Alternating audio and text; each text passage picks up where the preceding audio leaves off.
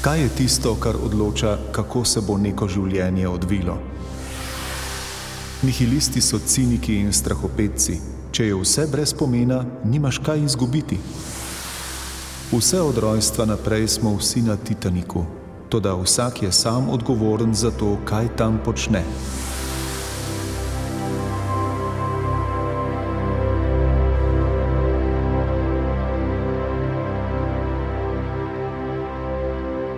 Ob bližnjih praznikih smo za oddajo Sov in Luč izbrali roman z naslovom O koncu žalosti nemško-švicarskega pisatelja Benedikta Wellsa, ki je svoj prvi roman izdal že pri svojih 24 letih.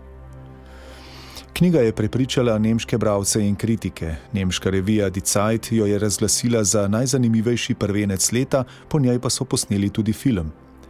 Sledila sta še dva romana, od katerih se je drugi več mesecev obdržal na vrhu nemških prodajnih lestvic. Leta 2016 je Wells izdal svoj četrti roman O koncu žalosti in z njim osvojil mednarodno občinstvo. Pravice so prodali v kar 30 držav, Wells pa je zanj prejel tudi nagrado Evropske unije za literaturo. Zgodbo, ki so jo v veliki meri navdihnile pisateljeve osebne izkušnje z izgubo in prebolevanjem samote, je začel pisati že pri 24 letih, vendar takrat, po lastnih besedah, za njo še ni bil dovolj zrel. Moral sem postati pisatelj, ki zmore napisati tako knjigo. A to knjigo sem preprosto moral napisati. Zdaj sem povsem svoboden. Tako o avtorju piše v knjigi. Sam dodajam, da bo razočaran, kdor bo v knjigi iskal jasne napotke, kako se rešiti spon britkosti. Skupaj z glavnimi junaki je potrebno prehoditi pot življenja in z njimi doživeti vse preizkušnje. In morda se boste našli v zadnjih besedah iz romana: Pripravljen sem. Prisluhnite nekaj fragmentom iz knjige z naslovom O koncu žalosti.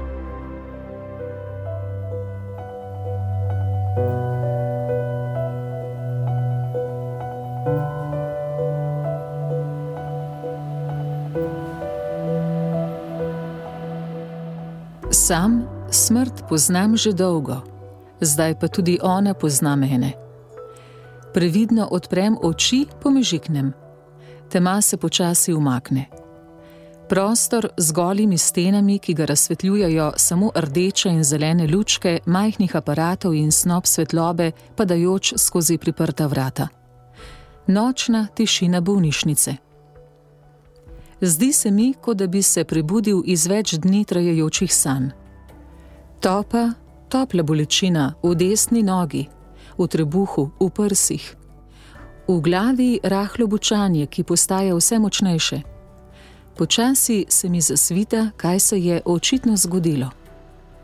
Preživel sem. Pred očmi se mi odvrtijo prizori.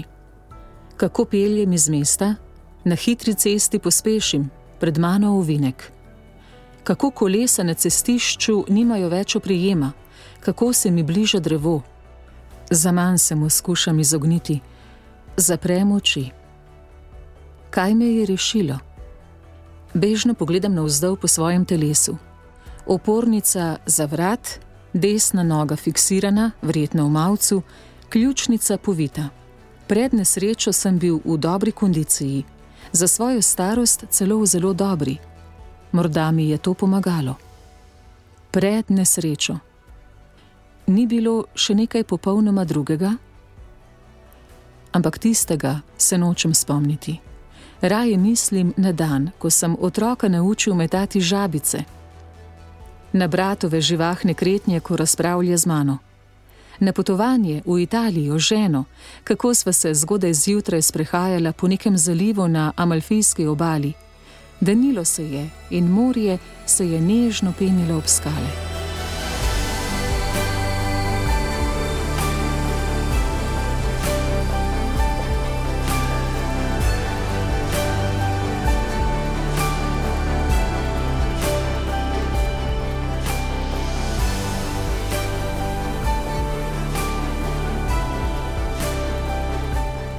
Čeprav se je sestra toliko let iskala, se je njeno življenje, po mojem mnenju, zdaj končno približalo tistemu, v katerem naši starši niso umrli.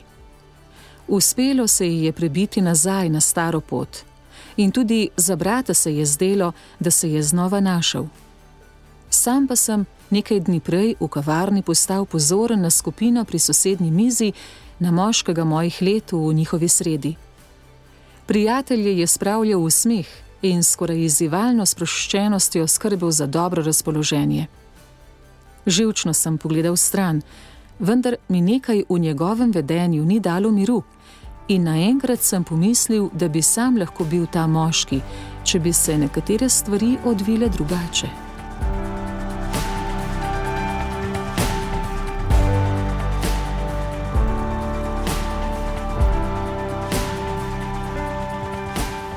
Medtem, ko sem se v letih predtem globoko v sebi počutil varnega, sem zdaj doživljal trenutke, v katerih sem opazil, kako je motnja večerna svetloba zapolnila temačen hodnik ali kako so drevesa v mraku čez pokrajino metala grozljive sence. In takrat se je v meni nekaj skrčilo da sem na planetu, ki z neverjetno hitrostjo drvi skozi vesolje, se mi je zdelo ravno tako strašljivo kot nova, globoka, pretresljiva misel, da je smrt neizogibna. Kot razširjajoča se razpoka, so se moji strahovi krepili. Začel sem se bati teme, smrti, večnosti. Te misli so v moj svet zabodle ost in pogosteje, ko sem razmišljal o vsem tem, bolj sem se oddaljeval od svojih neobremenjenih dobrovoljnih sošolcev. Bil sem sam. Takrat pa sem spoznal Alvo.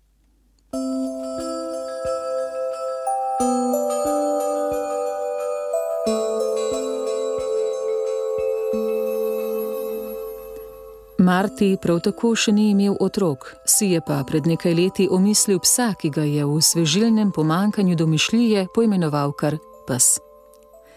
Pred kratkim je razglasil, da je na koncu tako ali tako vse obsojeno na propad, čemu torej imeti otroke. Lis se je znala zaradi tega razburiti. To je Martijevo nihilistično nakladanje, je rekla. Ti pa veš, da to ne drži. V resnici so vsi nihilisti in ciniki strahopeci. Delajo se, kot da je vse brez pomena, ker potem, na koncu, tudi nimaš česa izgubiti. Njihova drža se zdi neranljiva in premišljena, v resnici pa nima nobene vredne vsebine.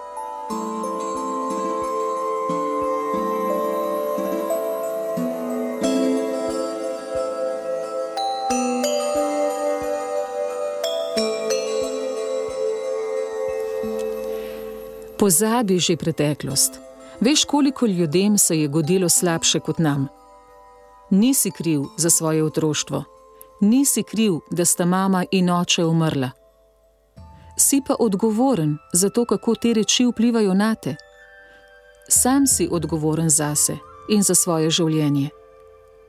In če počneš samo tisto, kar si zmeraj počel, boš tudi dobil samo tisto, kar si zmeraj dobil. Nek dan v avgustu ne vem več kateri.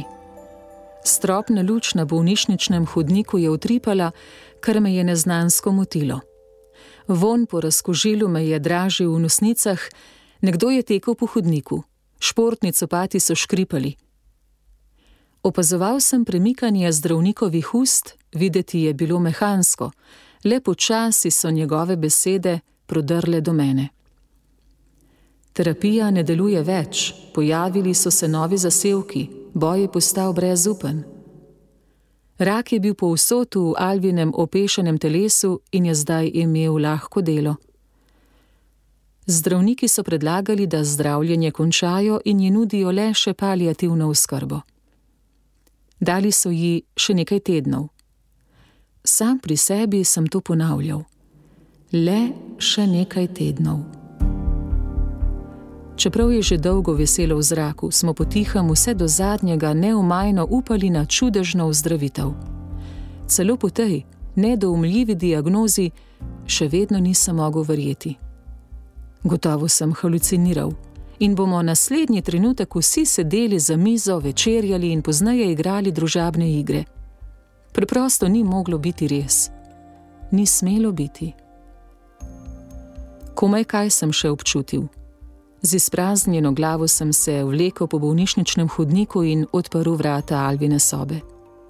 Stopil sem v tisti mali prostor, kot sem v zadnjih tednih neštetokrat, le da je bilo tokrat vse drugače.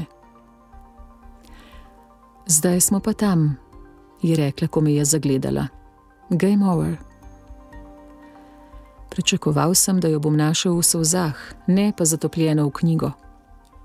Še vedno ni opustila svojega doktorata, čeprav je bilo zdaj že jasno, da ga ne bo nikoli končala. Sedel sem k njej na posteljo in jo hotel objeti, a mi je lahno odrinila. Trenutno ne prenesem bližine, je rekla skozi to se mora človek prebiti sam. Daj mi še nekaj časa, prav? Stopil sem korak stran, seveda. Jutri bom gotovo že boljše volje. Umaknila je pogled. Nekaj trenutkov sem jo še gledal, na to pa odšel iz sobe.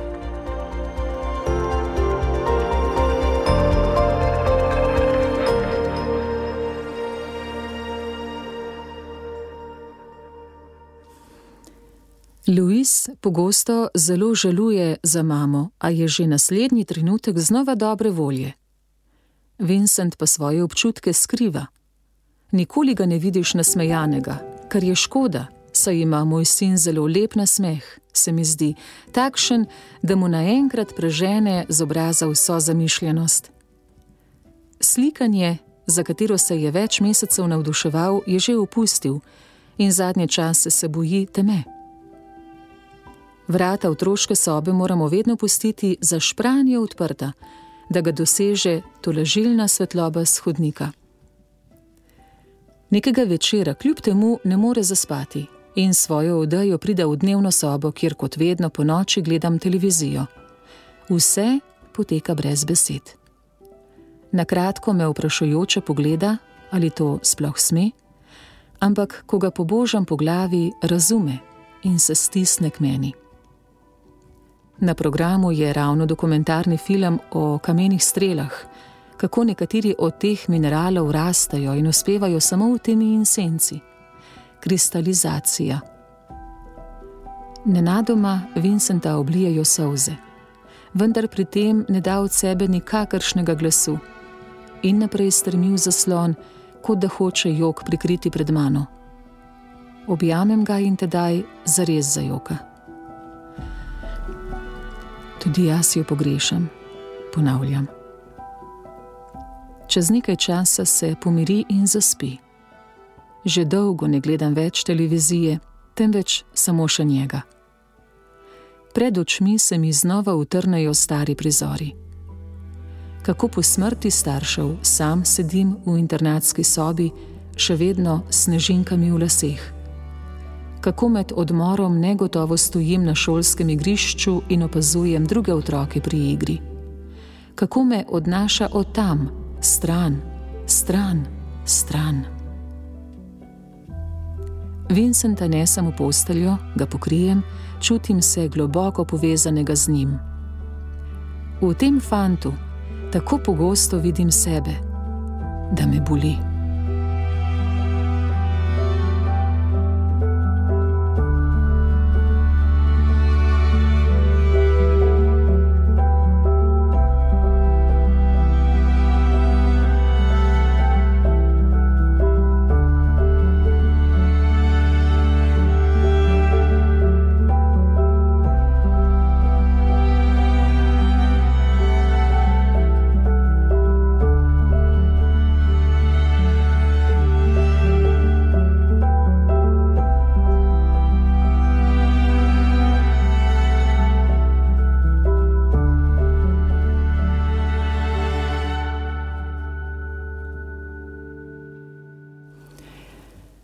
Vse od rojstva smo na Titaniku. Brat zmaje z glavo, ob takšnem govorjenju mu je neprijetno.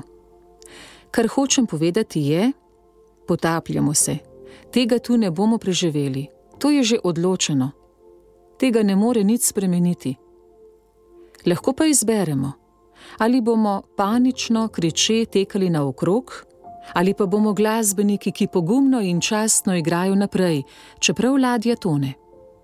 Tako kot pogleda v tla, tako kot je to storila Alva.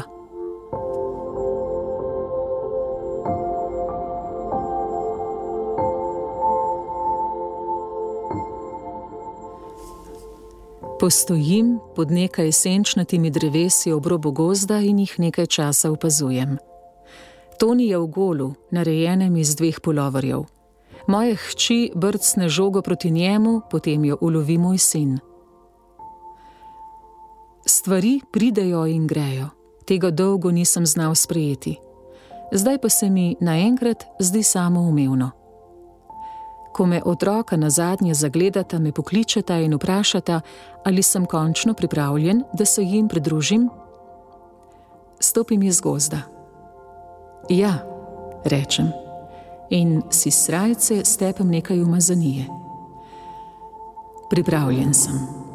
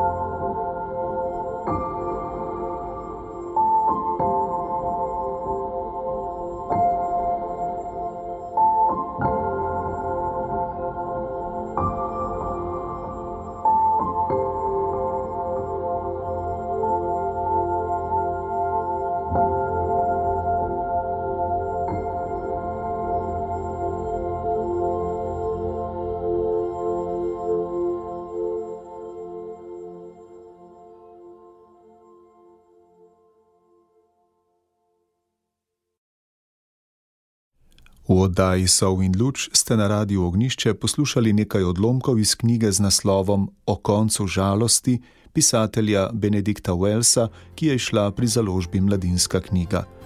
Brala je Nataša Ličen, oddajo pa sem pripravil Tadej Sadar.